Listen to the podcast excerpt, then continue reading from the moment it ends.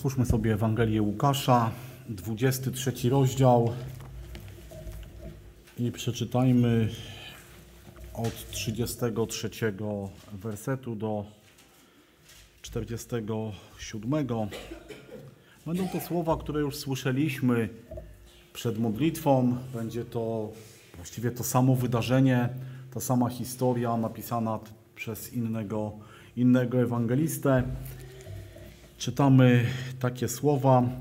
A gdy przyszli na miejsce zwane trupią czaszką, ukrzyżowali go tam, także i złoczyńców, jednego po prawicy, a drugiego po lewicy.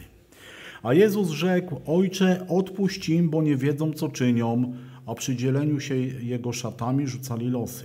A lud stał i przyglądał się, przełożeni zaś naśmiewali się, mówiąc, innych ratował, niechże ratuje samego siebie, jeśli, jeżeli jest Chrystusem Bożym przed tym wybranym.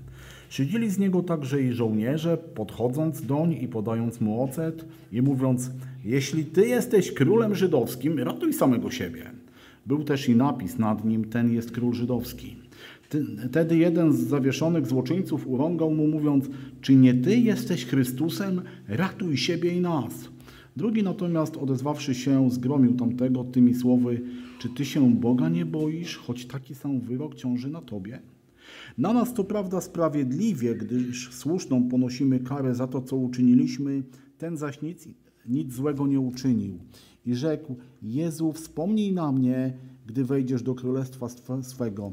I rzekł mu, zaprawdę powiadam ci, dziś będzie ze mną w raju. A była już mniej więcej godzina szósta i ciemność zaległa całą ziemię aż do godziny dziewiątej, gdy zaćmiło się słońce i rozdarła się zasłona świątyni na dwoje, a Jezus zawoławszy wielkim głosem rzekł, Ojcze, w ręce Twoje polecam ducha mego i powiedziawszy to skonał. Wtedy setnik, ujrzawszy, co zaszło, oddał chwałę Bogu, powiadając, zaiste, człowiek ten był sprawiedliwy. Wiecie, dzisiaj, w ten dzień, tak ładnie nazwanym Wielkim Piątkiem, cały chrześcijański świat, wszystkie kościoły, różne denominacje kieruje swój wzrok na krzyż. Kieruje swoje myśli na Golgotę i wiecie, zacząłem się zastanawiać, co widzi. Co widzi dzisiaj chrześcijański świat, patrząc na krzyż, patrząc na Golgotę, o czym myśli, jaką przyjmuje postawę wobec tego faktu, co tam się wydarzyło. Są specjalne nabożeństwa, tak jak dzisiaj my mamy specjalne nabożeństwo. One są bardziej czy mniej okazałe, bardziej czy mniej celebrowane, ale wiecie, wszystkie te nabożeństwa skupiają się na Golgocie, na krzyżu, na Chrystusie. Wszyscy patrzą w to miejsce i tak jak powiedziałem, wiecie, zastanawiam się, co widzą, o czym myślą, jaką postawę przyjmują, ale wiecie, myślę, że to jest też dobre pytanie do mnie i do Ciebie dzisiaj. Kiedy mój i Twój wzrok, moje i Twoje myśli wędrują do do Palestyny, do Jerozolimy, na Golgotę pod krzyż. Co widzimy? Wiecie, dzisiaj, kiedy miałem troszeczkę wolnego czasu, popatrzyłem sobie do internetu, wiecie, i tam było bardzo dużo, bardzo dużo informacji, bardzo dużo wiadomości, wiecie, na, na temat tego, co się stało. Że umarł Chrystus, że umarł Jezus, ale wiecie, większość z tych artykułów, które czytałem, wiecie czego dotyczyły? Dotyczyły technicznego opisu sposobu krzyżowania. Przeczytałem bodajże dzisiaj 5 czy 6 artykułów, w których opisywano, słuchajcie, właściwie krok po kroku, jak wyglądał proces krzyżowania, jak wyglądał proces umierania na krzyżu. Podkreślano, jaki, jaki to był straszny sposób śmierci, jaki hańbiący, jaki bolesny. Wiecie, to, co się działo na krzyżu, jest, jest dla nas dzisiaj, ludzi, którzy jesteśmy przy, przyzwyczajeni do humanitarnych sposobów uśmiercania, niewyobrażalne. Wiecie, ale dlaczego o tym mówię? Bo nie chcę mówić o tym, jak umierało się na krzyżu. Bo myślę, że wcześniej czy później każdy z nas być może już o tym czytał, być może już o tym wie, że umierało się w sposób straszliwy, że umierało się y, dusząc się, że tak naprawdę każdy oddech było niesamowitą walką o, o życie. Że każdy, każdy, każdy oddech Pana Jezusa na krzyżu kosztował go wielką, wielką wagę. Wielką walkę. I wiecie, i mówię, i o tym wszystkim dzisiaj mogłem przeczytać. Że umierało się na krzyżu od nawet do kilku dni, że była to tak potężna śmierć, tak straszna śmierć, że żeby ją skrócić, więźniom łamano kości, żeby już nie mogli podnosić się i oddychać. I o tym wszystkim dzisiaj mogłem przeczytać. O tym wszystkim dzisiaj mogłem się dowiedzieć. Ale wiecie, zabrakło mi jednej ważnej rzeczy. W tych wszystkich opisach w tych wszystkich wspominaniach, że Jezus w taki sposób umierał, zabrakło mi jednej rzeczy. Zabrakło mi powiedzenia, napisania dlaczego. Dlaczego tak się działo? Dlaczego Jezus musiał umrzeć w ten sposób? I obawiam się, albo tak, obawiam się, że dzisiaj wielu ludzi, myśląc o krzyżu, nie myśli o tym dlaczego, tylko jak. Nie myśli po co, tylko w jaki sposób. Dzisiaj wielu ludzi, którzy stają przed faktem ukrzyżowania śmierci Pana Jezusa, nie zastanawia się dlaczego. Dlaczego On musiał umrzeć. Wiecie, dzisiaj postawa ludzi do Chrystusa może być bardzo, bardzo różna.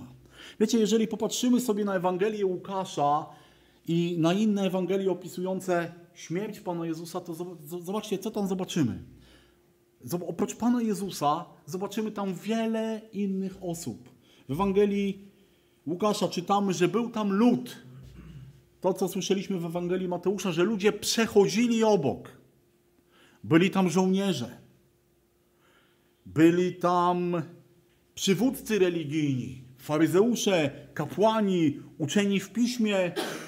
Wiemy też, że były tam kobiety, że była tam matka Jezusa, że był tam jego uczeń, byli ukrzyżowani z nim przestępcy. Wiecie, i kiedy sobie tak na nich popatrzymy, to zobaczcie, jak różna była ich postawa w stosunku do Jezusa. Widzimy z jednej strony przywódców religijnych, którzy szydzą, którzy można powiedzieć cieszą się, bo udało im się pozbyć tego człowieka. Widzimy lud i żołnierzy, którzy też przychodzą i szydzą, mówią: Ty mówisz, że jesteś synem Bożym, no to pokaż nam, stąp z krzyża, a wtedy uwierzymy.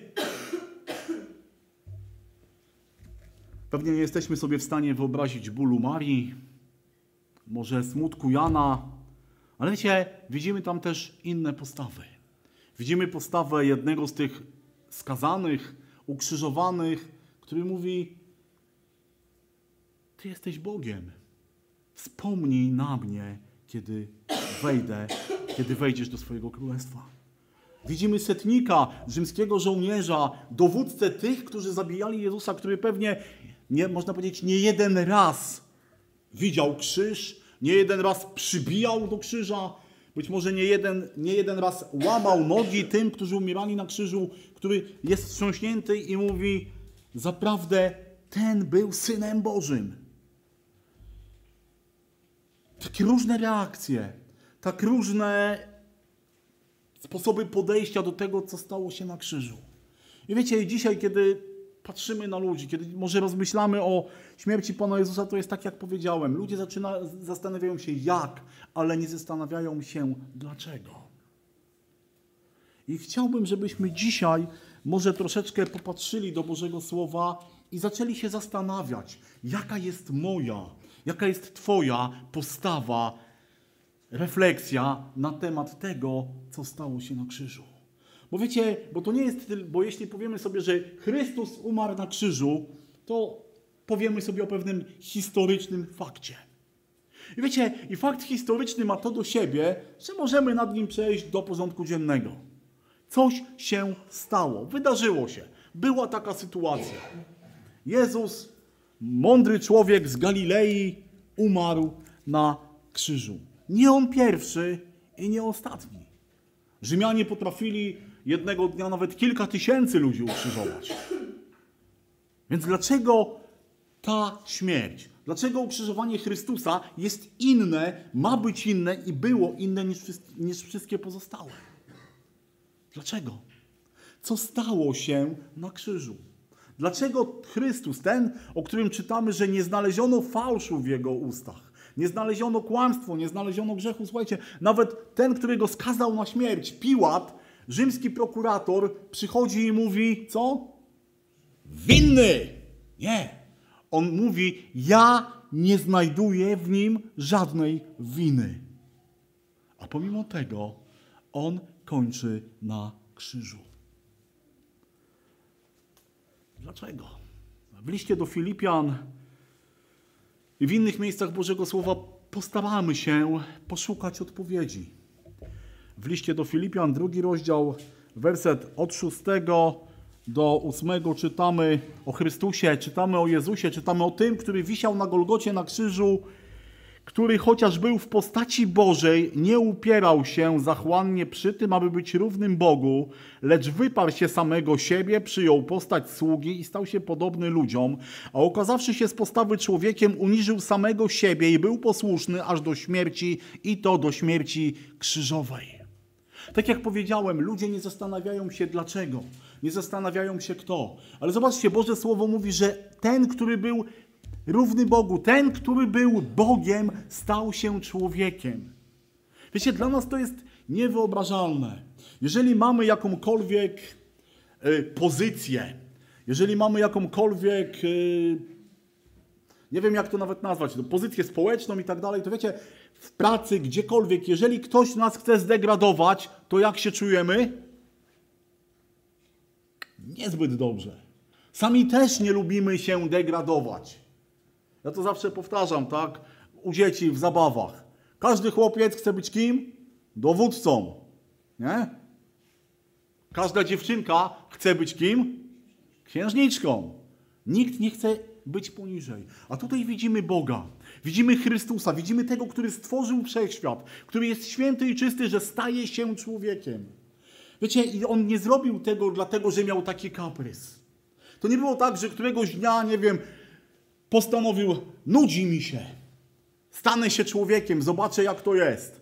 Wiecie, w greckiej mitologii były takie przypadki, nie tylko w greckiej mitologii, że cudzysłowie to powiem, bogowie przychodzili, stawali się na chwilę ludźmi. Ale kiedy im się odechciało, to wracali na Olimp i byli dalej szczęśliwi. Ale Chrystus stał się człowiekiem. Nie po to, żeby doświadczyć, jak to jest, ale czytamy, żeby był, żeby się uniżyć do śmierci i to do śmierci krzyżowej. On tylko po to przyszedł, żeby umrzeć na krzyżu. I tak jak powiedziałem, nie był to kaprys. To nie było dlatego, że nie miał co robić ze swoim życiem, że w niebie mu było źle. Wiesz co, kto było powodem tego, że on stał się człowiekiem? Ja. Ty. Ty. Każdy z nas. To ty, ja, my byliśmy powodem tego, że on stał się człowiekiem. Ponieważ Chrystus, ponieważ Bóg wie, jacy jesteśmy. Ponieważ On wie, jak wyglądamy, jakie jest nasze życie. Wiecie, chciałbym, żebyśmy spojrzeli teraz do kilku fragmentów Bożego Słowa, które bardzo dużo powiedzą o mnie i o Tobie i bardzo dużo powiedzą o Panu Jezusie. W liście do Kolosan, w drugim rozdziale, wersety 13 i 14, czytamy coś takiego. I was, którzy umarliście w grzechach, w nieobrzezanym ciele waszym, wespół z nim ożywił, odpuściwszy wam wszystkie grzechy. Wymazał obciążający nas list dłużny, który się zwracał przeciwko nam ze swoimi wymaganiami i usunął go, przybiwszy go do krzyża. List do Efezjan, drugi rozdział, wersety od 12 do 16. Byliście w tym czasie bez Chrystusa, dalecy od społeczności izraelskiej i obcy przymierzom, zawierającym obietnice, nie mający nadziei i bez Boga na świecie. Ale teraz wy, którzy niegdyś byliście dalecy, staliście się w Chrystusie Jezusie bliscy przez krew Chrystusową. Albowiem On jest pokojem naszym, On sprawił, że z dwojga jedność powstała i zburzył w ciele swoim stojący pośrodku przegrodę z muru nieprzyjaźni. On zniósł zakon przykazań i przepisów, aby czyniąc pokój stworzyć w sobie samym z dwóch jednego nowego człowieka i pojednać obydwóch z Bogiem w jednym ciele przez krzyż, zniczywszy na nim nieprzyjaźń. Dalej, list do Kolosan, pierwszy rozdział od 19 od 19 wersetu do 23.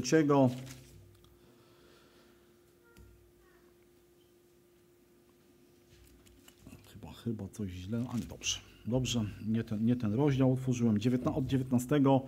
Ponieważ upodobał sobie Bóg, żeby w nim zamieszkała cała pełnia boskości i żeby przez niego wszystko, co jest na ziemi i na niebie, pojednało się z nim dzięki przywróceniu pokoju przez krew krzyża Jego.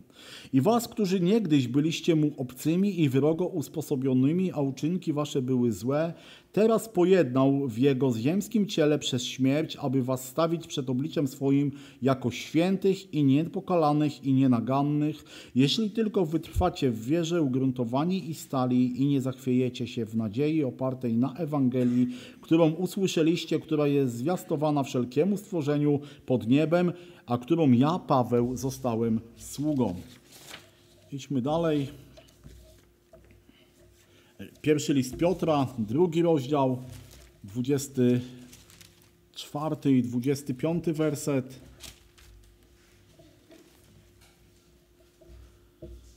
On grzechy nasze sam na ciele swoim poniósł na drzewo, abyśmy obumarwszy grzechowi dla sprawiedliwości żyli. Jego sińce uleczyły nas, uleczyły was, byście, byliście bowiem zbłąkani jak owce, lecz teraz nawróciliście się do pasterza i stróża dusz waszych.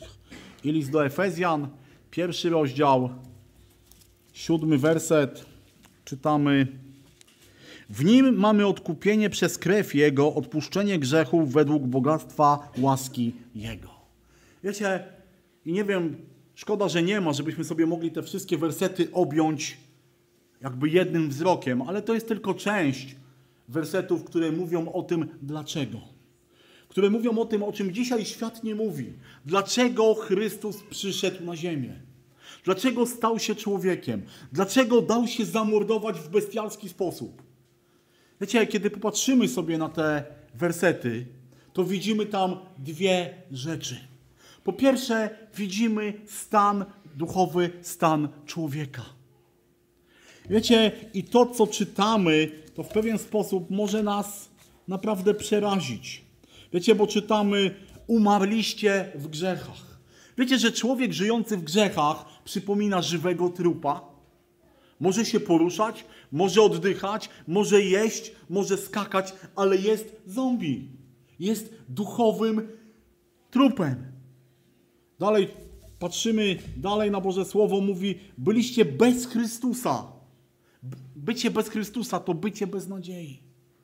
Bycie bez Chrystusa to świadomość tego, że nie mam żadnej nadziei. Że nie mam niczego pewnego w moim życiu. Mogę sobie wmawiać, mogę sobie mówić o różnych rzeczach, ale jestem tak bardzo zaprzedany grzechowi, chociaż może mi się wydawać, że nie, że nie ma dla mnie żadnej nadziei. Co więcej, czytamy, że jesteśmy wyrogami i obcymi dla Boga. Wiecie, nie wiem, czy ktoś z Was miał kiedyś wroga. Osobistego jakiegoś. Takiego, którego się bał, albo takiego, którego jak tylko widział, to dostawał, jak ja to mówię, pianę na buzi. Znaczy, ja myślę, że każdy z nas może doświadczył tego. Być, być wrogiem dla kogoś. Wiecie, ci, ja wam powiem tak. Miałem kiedyś jakieś kibicowskie epizody w moim życiu. I nosiłem taki szalik, i wiecie, i każdy inny z innym szalikiem mogłem go nie znać. Mogłem nic o nim nie wiedzieć. Wystarczyło, że go widziałem i moje myśli, moje ręce nie szły do błogosławieństwa. To jest być, mieć wroga. Wróg ma jedno marzenie: pokonać ciebie. Na wojnie ludzie nie znają się, a strzelają do siebie. Wiecie, a my tutaj mówimy, że my byliśmy wrogiem Boga.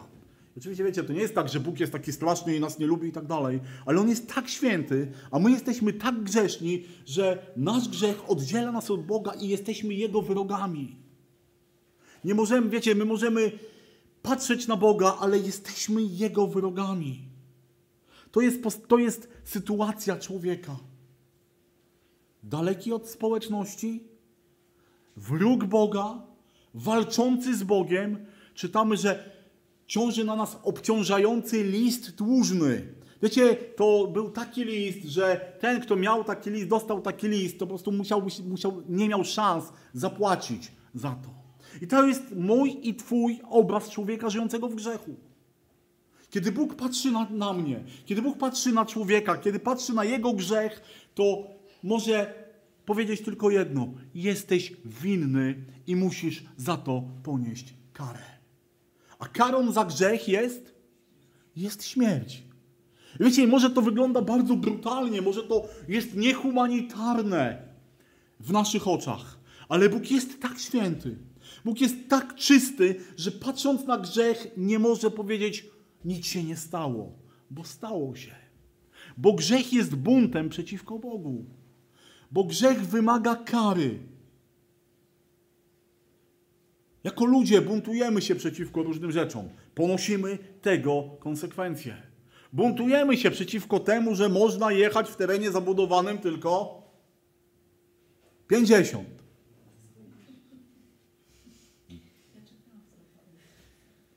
Buntujemy się. Wiele rzeczy nam się nie podoba, ale wiemy, że jeżeli nas złapie, taki niebie, tacy tak zwani smutni panowie nas złapią, to co? Poniesiemy konsekwencje. Czasem się uda, a czasem za jakiś czas dopiero dostajemy zdjęcie z wakacji z kosztem wyjazdu. Ale wiecie, tak samo jest z Bogiem jest troszeczkę inaczej. Bo Pan Bóg wie, że jesteśmy winni i możemy się łudzić, że udało nam się. Nie, nie uda ci się. Jeżeli jesteś grzesznikiem, staniesz przed Bogiem nie uda ci się. Ten list dłużny będzie taki, że nie będziesz miał szansy na to, żeby być pojednanym z Bogiem. Bo grzech oddziela od Boga. Bo grzech powoduje, że jesteś potępiony. Bo grzech powoduje, że jesteś winny. I kiedy Bóg patrzy na ciebie, mówi: winny. I Pan Bóg wie, jaki jest nasz stan. Wiecie, i Pan Bóg wie, że my jako ludzie możemy próbować robić różne rzeczy, żeby się wybielić, ale nic to nie da w oczach Bożych. Wiecie, my mamy różne systemy. Ludzie mają różne systemy, co, co zrobić, żeby Bogu się podobać. Dobre uczynki, pielgrzymki, posty, jałmużny. Wiecie, każda religia ma świetny system tego, jak się Bogu podobać. A Pan Bóg mówi, wasze uczynki są jak splugawiona szata. Wiecie, są jak taka szmata, taka użyta, nie wiem, do ścierania podłogi, do czegokolwiek. Obrzydliwa. I wiecie, i tym, czym my się szczycimy przed Bogiem, to dla Niego właśnie to tak wygląda. Bo ogrom grzechu nie zmyjesz swoimi nawet najlepszymi uczynkami. Ogrom grzechu może być zmyty tylko w jeden sposób. W ten sposób, o którym my dzisiaj, mam nadzieję, pamiętamy, o którym śpiewaliśmy, o którym też czytamy w Bożym Słowie. Wiecie, co to jest?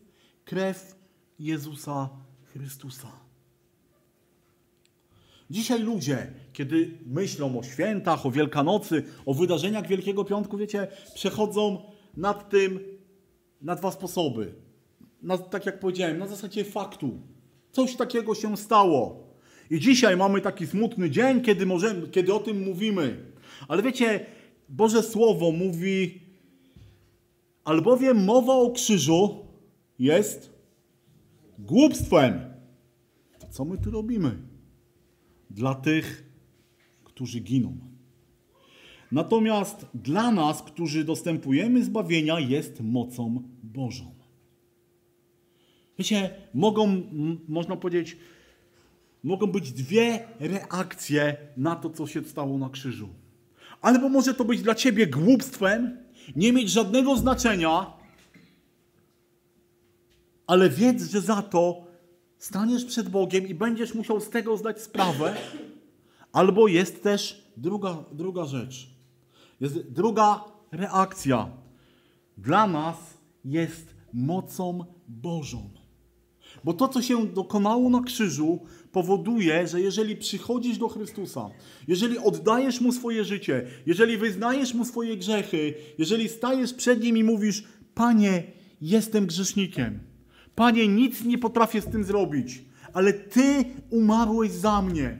Ty zapłaciłeś za mój grzech. W okrutny sposób dałeś się zabić, żebym ja nie musiał wisieć na krzyżu. Bo tak naprawdę na krzyżu nie powinien wisieć Jezus ale ja, ale ty, ale każdy człowiek. A On zrobił to za mnie. On zrobił to za ciebie. Pytanie, a co ty z tym zrobisz? Jaka jest Twoja reakcja? Jaka jest Twoja odpowiedź na krzyż Chrystusa?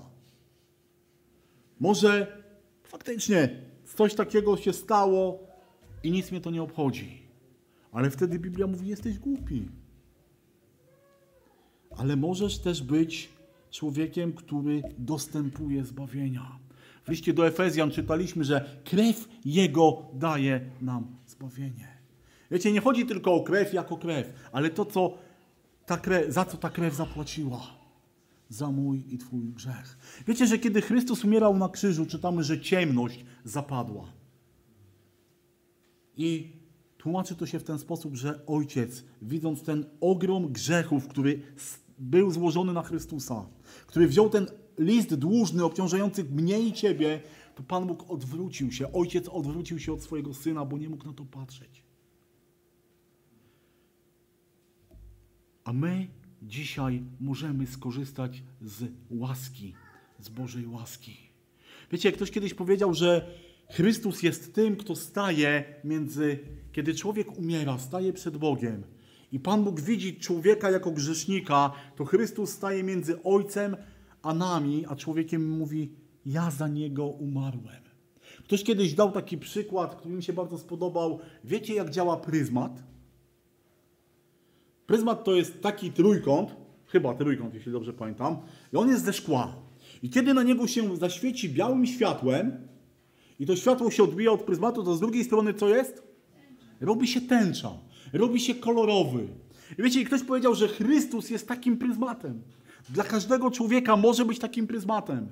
Że kiedy Ojciec swojej sprawiedliwości patrzy na ciebie, Chrystus staje między Ojcem a Tobą staje się tym pryzmatem, który pokazuje ten piękny kolor.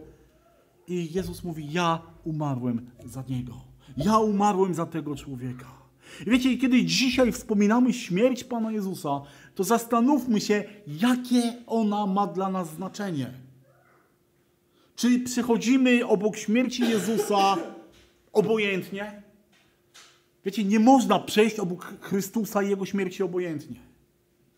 To nie jest tak, że możemy sobie wmawiać, mnie to nic nie obchodzi.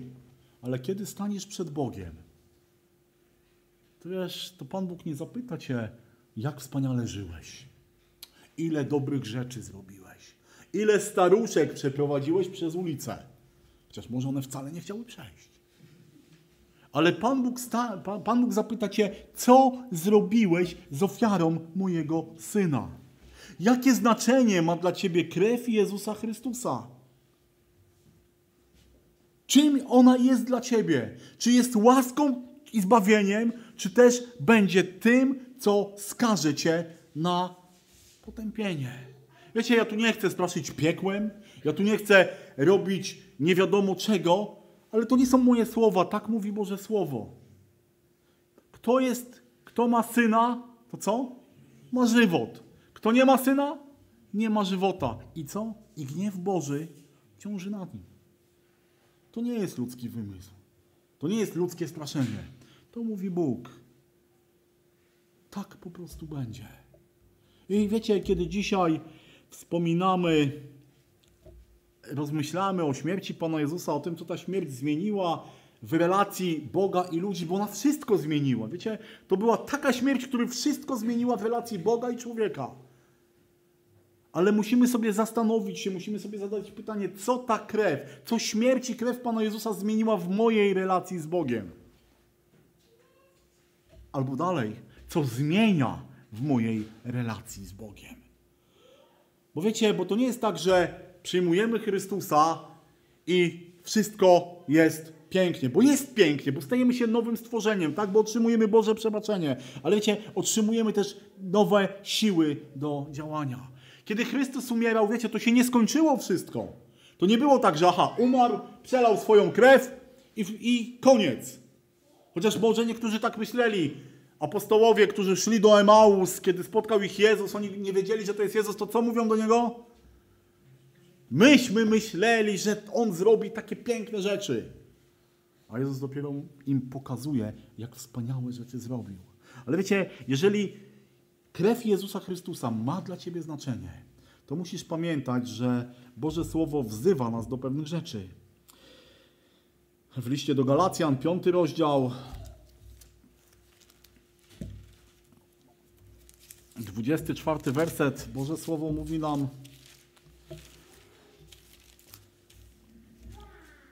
A ci, którzy należą do Chrystusa Jezusa, ukrzyżowali ciało swoje wraz z namiętnościami i rządzami. I jeszcze jeden fragment z tego samego listu, drugi rozdział, dwudziesty werset. Z Chrystusem jestem ukrzyżowany, żyję więc już nie ja, ale żyje we mnie Chrystus.